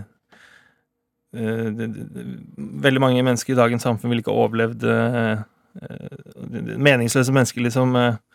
svake folk som bare mm. Som en sånn, en ung, pompøs kvasifilosof sitter og greier ut, da. Og så når han på en måte blir konfrontert med sine egne uh, uttalelser på den, i den siste seansen Nei, dette blir kanskje litt søkt for de som ikke har sett serien, men jeg anbefaler absolutt å se den. For jeg anbefaler også å lese hele, hele hans manifest, som er et ganske skremmende uh, presis dystopi av teknologiske samfunnet vi lever i dag. Ja. Men uh, da, det er jo en av de tingene hans, han får eh, hø høre ganske greit, at du Din jævla beta-shrimp, liksom. Du hadde ikke overlevd et sekund i den drømmeverdenen drømmeverden eh, du snakker om, eh, eller i den steinalderverden. Ja. Eh, for du har ingen av de egenskapene, liksom. Du er sånn smalskuldra fjompenisse, liksom. Ja. Jeg syns det, det var veldig morsomt, morsom scene, men Tar du det, men tar ikke du deg selv i å tenke det noen ganger? Jo, det er, det er nett- nettopp det jeg sier, at jeg er litt usikker på På en måte så, så er jeg litt sånn Bråne Sterre at vi skal abortere alle med Downs syndrom og Ja. Altså, de de gir jo Jeg sier ikke han mener det, men eh, han, han liker vel å tenke høyt, da, i hvert fall. Ja, jeg tror ikke han er helt imot heller. Han virker som en ganske varm og empatisk fyr. Eh, Ja, men det er jo i det ene øyeblikket så, så skal man abortere alle fostre, i det neste skal du gi alle pengene dine til noen på andre siden av jordkloden. Så det er jo vanskelig å vite hva man skal tro. ja, han liker å tenke høyt. Jeg syns det er kult Ja da. eh, å tørre å være litt sånn. Men uansett eh, eh, eh, På den ene siden så vil jeg også Eller jeg tenker at hvorfor skal vi ha alle disse meningsløse menneskene som egentlig Som vi bare propper opp med velferdsordninger og medisiner og og Hvorfor skal vi ha 90 år gamle folk som går rundt med bronkitt, liksom? Altså, det er mm. Hva er poenget? Ja, Men du, man, man Men jeg, jeg, jeg lander til slutt da på at vi tross alt De menneskene som er på jorda At vi burde prøve å gjøre det best, best mulig for dem, uansett hvor gamle de er. ja. Selvfølgelig må man gjøre Noen ganger så må man jo velge mellom Man må ta noen vurderinger, medisinske og etiske vurderinger f.eks., som jo er helt uunngåelig. At det er sånn, ja, den, denne sprøyta koster en milliard, eh, og selv om du er 24, så kan du dessverre ikke få den.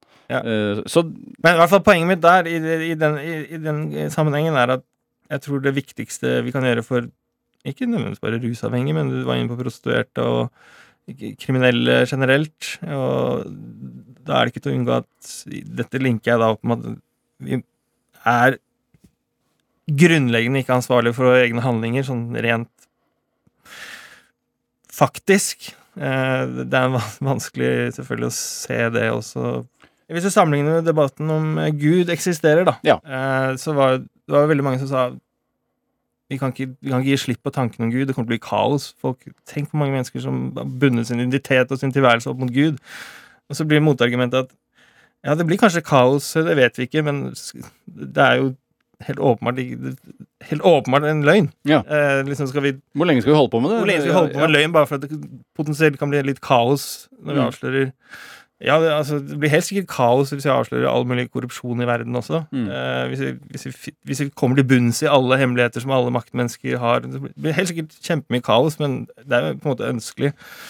Eh, og det, det tenker jeg litt om den eh, illusjonen rundt om folk faktisk i bunn og grunn har kontroll over sine egne valg. Ja. Eller om de er en produkt av gener, arv, miljø, alle mulige eksterne faktorer.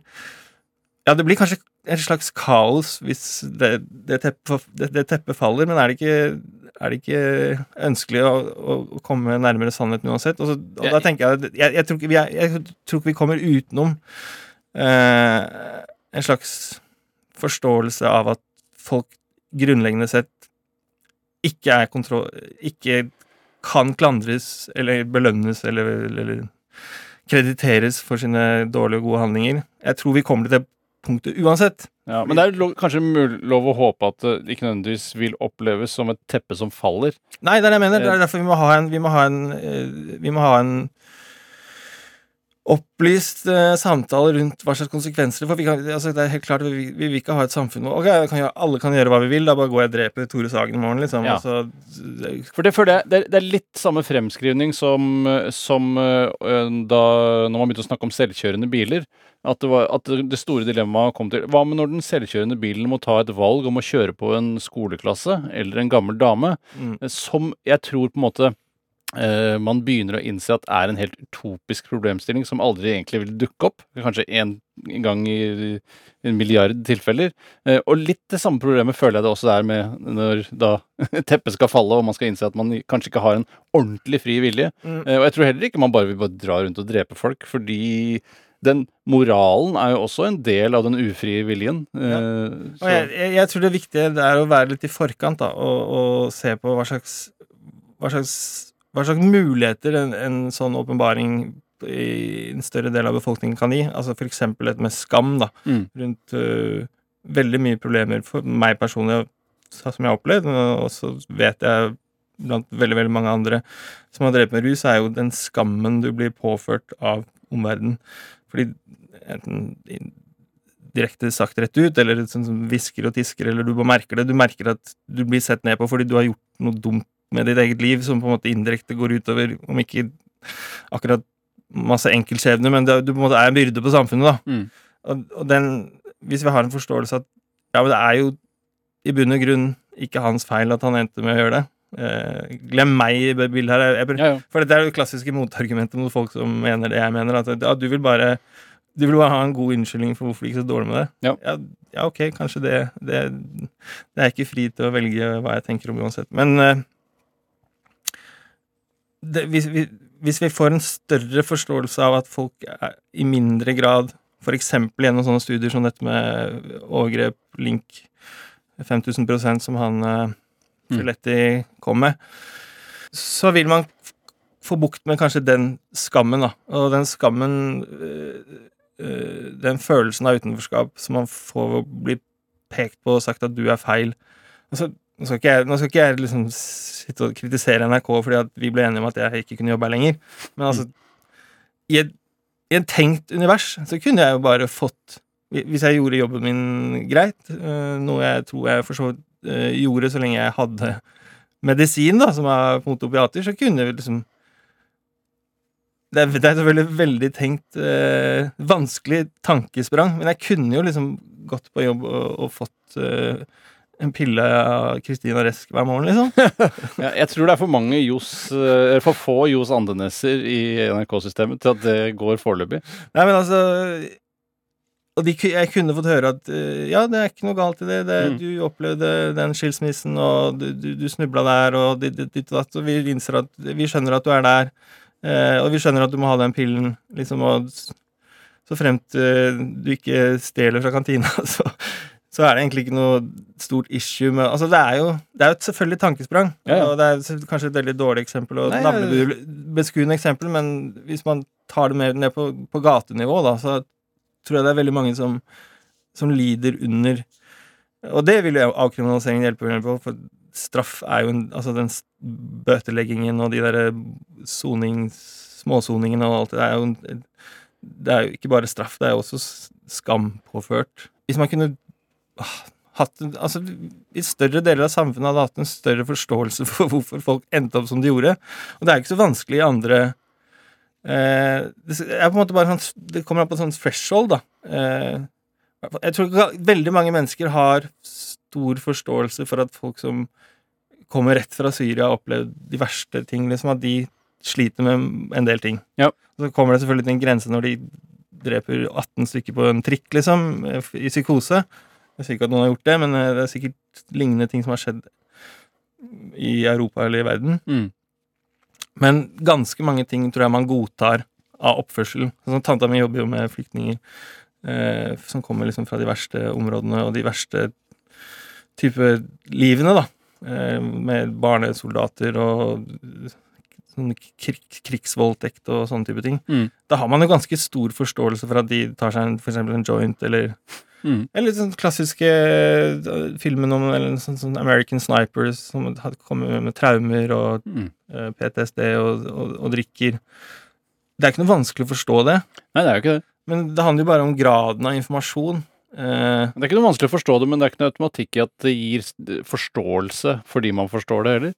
nei, men altså, jo mer man prøver Altså, det er jo empati, da. Det er det det, det handler om. Jo Ja. mer man prøver å forstå Ok, åpenbart her kommer det en person fra Afghanistan som har liksom Malala, liksom. Mm. Eh, og at hun bruker noe antidepressiva eller har en eller annen type atferd. Jeg aner ingenting om henne. Men det ville jo vært veldig lett å forstå. Hun ble skutt i hodet på dette til skolen fordi hun var jente. Mm. Liksom. Det, det, det er liksom ting som er veldig åpenbart. Eh, mens eh, i en Jarle, da, på, på plata, det er ikke så lett å det er, ikke så, det er ikke så åpenbart å forstå. Han, er- han, hvit i huden, kommer fra kanskje vestkanten. Eh, jeg kan bare en bortskjemt drittunge som syns det var snacksy å, å drive med heroin. Ja, kanskje han fortjener å, å leve sånn. Så, men graver man litt dypere, sånn som han type Filetti gjorde, da, så ser man at veldig ofte så er det gode grunner, hvis man kan si det sånn, til at folk ender opp der de gjør.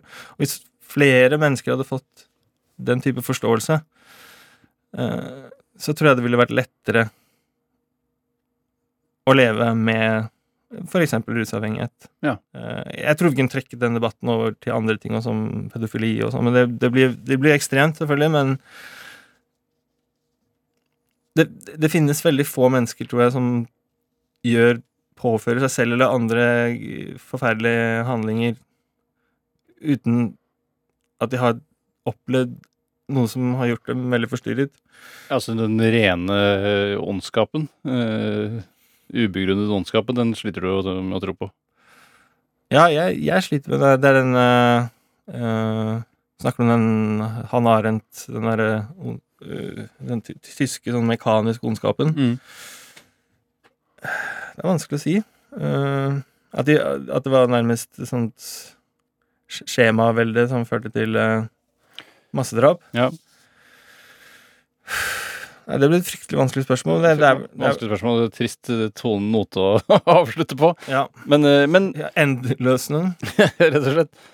Men jeg, men, mm, men jeg syns jo vi på en måte har øh, kommet fram til en fin erkjennelse om at det, denne rusreformen er nå én ting, men det handler da rett og slett om en eller annen toleranse man er nødt til å bygge opp for, for mennesker, og hva slags mennesker man skal ta vare på, øh, som jo sannsynligvis burde være alle. Og at denne toleransen er jo vokser jo. Jeg føler at det er liksom Empatien vokser. Men det var det jeg altså bare avslutningsvis ville Hvis det er en hyggelig måte å avslutte på isteden. Jeg ville nevne eh, at, eh, som du sier, empatien vokser. Men her er jeg også litt bekymret for dette med sosiale medier. og Det var jeg vel inne på så vidt når jeg var gjest eh, med hun Hilde Sandvik eh, i Juli P2, eller hva det het. Ja. At Jeg tenker at empati er jo litt en muskel, da. Og jeg tenker at alle mennesker har ulike, ulik grad av empati, men det er jo på en måte en muskel eller energi som, blir, som du ikke har utømmelige mengder av, uansett om du er Tore Sagen eller eh, hvem er en kjempeempatisk person? Eh, altså Per Fugli. Jeg kommer ikke Per på noen nålevende. Ja, ikke sant? Det er en utdøende rase. Eh, så når du har denne, disse, disse mekanismene på sosiale medier hvor det handler om veldig mye om å utvise empati overfor abstrakte mennesker rundt omkring i verden som tilhører grupper som du støtter, eller igjen skogbrannofre. Mm. Eh, jeg, jeg er litt redd for at Fordi det, man, man bruker like mye energi på denne type empatien som man utviser på Twitter eller på nettet. Eh, det koster empa- Empatimusklene blir like sliten, men det, det, det, er vel, det er relativt lite gevinst for de som er på andre siden. Ja. Hvis, du er et, hvis du er et skogbrannoffer, da, så sitter eh, Eivind Trædal, det var det jeg ville si. Ja,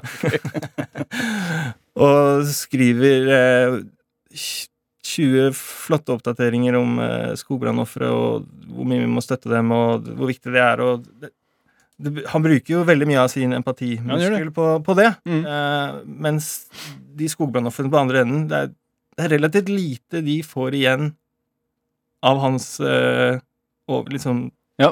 globale eh, oppdateringer. Ja. Mens det å liksom gå bort til han ensomme fyren som sitter i Valkyrieparken og sitte, bruke hele dagen på å snakke med han er det Pick, det er pick your Fights-kritikk til Tredal? Trædal, eller er det Nei, nei. Det var, det var bare for han, han, var den, jeg regner, han var her eh, på gjest på deg når jeg hør, Ja. hørte på, og da var, du nevnte vel et eller annet om at han hadde mange flotte oppdateringer. Ja, han sa jo Han tåler den. Ja. Han tåler den.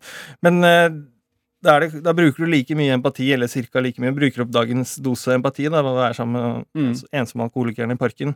Som er selvfølgelig i 2021 sikkert en sprø ting å gjøre for mange. Men det vil jo gi enormt mye på mottakeren, da. Ja. Så hvis du ser det til et mye, mye større perspektiv vi vi har million, eller Det er vel tre milliarder mennesker som sitter på Facebook eh, i ulik grad. Og, mer og mer av denne empatien går ut i det store Ja. intet. Men jeg, jeg, jeg føler også at eh, et, Skjønner du hva jeg vil? Ja, jeg skjønner hva du vil. eh, Men for meg er bare et skritt på veien eh, det, jeg, Man har empati, men man har også på en måte eh, agget som er der. Som for eksempel da at man skal nå, Det er siste gang jeg skal nevne transpersoner, men når man snakker om ja, juridisk sett så er det fullt lovlig for en eh, transkvinne, jo, som da opprinnelig var en mann, å gå i damegarderoben nå. Eh, Og det er jo noe som er sånn Det er jo klassisk sånn rage-bate-tematikk. Mm. Eh, som man automatisk bør bli på hugga. Men eh, jeg har lært meg i en teknikk som bare handler om at eh, nå må jeg prøve å se dette her ut fra hvor ille er dette egentlig? Mm. Eh, og så er det sånn, egentlig kan jeg bare drite i det. Eh, det angår meg ikke, det er ikke farlig for noen. Eh, og det kommer aldri til å bli et problem, litt sånn som at en Tesla aldri kommer til å måtte velge mellom en gammel dame og en skoleklasse. Mm. Eh, så eh, hvis man først da bare senker skuldrene litt, så føler jeg at denne empatimuskelen vil eh, sakte, men sikkert mørne og øke i styrke. At det blir flere muskelfibre i den. Problemet er bare at jeg tror ikke det kappløpet vi er, ser nå med, med sosiale medier og kampen om folks eh, skjermbrukstid på skjerm, da, eh, hvor ekstremt eh, aggressiv den Alt fra Netflix til Twitter og Instagram, hvor ekstremt aggressivt de, de kjører på for å hijacke folks oppmerksomhet.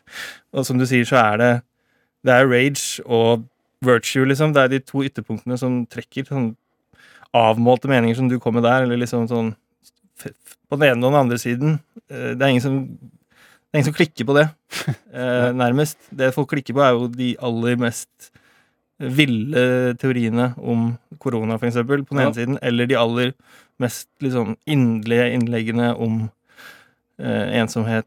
Eh, sånne, du vet sånne lange Facebook-poster som Ja. denne har blitt delt 50 000 ganger. Om eh, stakkars Harald som Altså, du, det du egentlig nå også kommer inn på, er jo da vårt felles hjertebarn, som handler om denne, dette nyhetsmediet som vi drømmer om. Ja. Dette automatiser, helautomatiserte, den algoritmen mm. som hele tiden sorterer de viktigste nyhetene i en database for oss. Eh, de, eh, den er helt, egentlig helt uinteressant. Den er jo interessant. Ja, Bortsett fra for oss, da, som Ja, egentlig gjerne vil vite hva som er det viktigste som har skjedd i verden siste For det viktigste som har skjedd i verden siste uke, er jo ikke at uh, det, det er en ispropp på Kvam, liksom. Nei, litt å ta det der eh, skredet i Gjerdrum, da. Det er jo jævlig trist, og det er sikkert noen Kunne vært noen viktige eh, innsikter om liksom byggebransjeetikk og sånne ting, men utover det så er det jo noen tragiske skjebner som du finner over hele verden hele tiden. Akkurat like tragisk det som skjer i Burma. Mm. Eh, altså Det er like langt fra Follo til Gjerdrum som i dagens globale verden som det er fra Follo til Burma. Eh, så vi investerer enormt mye. Jeg så jo det på en del av sånn hva kan man si, voksne mennesker i mitt liv. Sånn NRK, eh, Dagsrevyen-tittende mennesker. Mm. Eh, hvor mye på en måte, energi de brukte på den kvikksand-saken. hvor liksom, de, de ringte hverandre og sånn 'Har du hørt? Nå har de funnet en til.' Og det, jeg er ikke noe jeg ikke forstår det. Jeg, det, er utrolig trist. Men Mm. det er helt abstrakt at liksom, de velger akkurat den eh, saken og putte all sin energi ja, eller generelt da. Krim da, og Tom Hagen og Ja. som jo egentlig er helt egentlig helt uinteressant. Ja, det, er, det, er ikke, det er i hvert fall ikke sånn nyhetsverdi som vi snakker om. Det vi snakker om, er jo at i en ideell verden Et ideelt nyhetsmedium er jo egentlig et, et, et, en krystallkule av en historiebok. Altså, det er jo liksom at, Ja. at VG skriver det som kommer til å stå i historiebøkene om 100 år. Ja. Jeg kan tenke deg Nürnberg eh, eh, VG-dekning av Nürnberg-dommen. Ja. Eh, liksom det viktigste som kom frem da, var det Nei, det var kanskje ikke episoden med deg, men det var det med han Kenneth. Den viktigste på en måte nyhetssaken som kom frem, var jo at man kunne dømme et, eh, et land for å gå til aggressiv krigføring. Mm. Vi fikk på en måte slutt på eh, den type krigføring. Eh, Det ble, ble satt en ny presedens, da. Det er selvfølgelig masse andre interessante, men du kan se for deg hvordan VG hadde dekket Nürnberg. Det er liksom Gøring driter seg ut igjen. Eh, nå eh, snubler han med tallene. Mm. Eh, motsier seg selv. Mm. Altså skjebnejournalistikk. Altså masse støy, da. Ja. Eh, hvor man, man ikke blir noe klokere. Man blir bare sintere eller mer indignert eller får mer Bruker mer abstrakt empati på mennesker som man som ikke får noe igjen for. Altså som får noe glede ut av at du har empati for dem. Mm. Mens det nyhetsmediumet vi, vi håper på kommer, som jeg, kanskje kommer også, Ja, ja, du sendte meg noe Sillians Project. Ja. Det er jo liksom prøve å finne hva som er faktisk relevant for mennesket i et historisk perspektiv. Hva er som forandrer Sånn rusreformen, da. Ja. Det, det kan jo Det, det er sånn gråsoneeksempel, vil jeg nesten si. Ja. Det, Det kan jo være med å forandre Ja, det vil jo bli en milepæl i norsk narkotikapolitikk, uansett hvordan du vrir og vender på det. Men så skal det jo også måles opp mot andre ting som skjer i Ja. denne tiden. Som f.eks. da koronapandemien, som jo i hvert fall vil gå inn i historiebøkene på en eller annen måte. Absolutt. Absolutt. Eh, det var gøy at du kom på besøk, Sturle. Jeg håper det ga noe mening. Det Ja, det var eh, Jeg trodde du hadde sterkere meninger om selve rusreformen. eh, men jeg var egentlig litt glad for at du ikke hadde det. For det, er eh, mange andre som har. når, man, ja, når man har satt seg inn i det, så er det egentlig eh, Altså, Jeg har en veldig sterk mening om rusreformen, og at jeg støtter den. det er den sterkeste meningen du har om Det det. er den sterkeste meningen. Ja. Og at jeg blir litt trist hvis den ikke går innom. Man kan jo frykte eh, følgene av denne avkriminaliseringen, men det er jo, fins jo ikke et eneste fnugg av empiri som skulle peke på at eh, narkotika kommer til å bli et større problem som følge av dette. Vi må ikke tåle så inderlig vel den urett som ikke rammer oss selv. Tusen takk for at du kom, Sturla Sturle Hausgaard. Du har hørt en podkast fra NRK. Hør flere podkaster og din NRK-kanal i appen NRK Radio.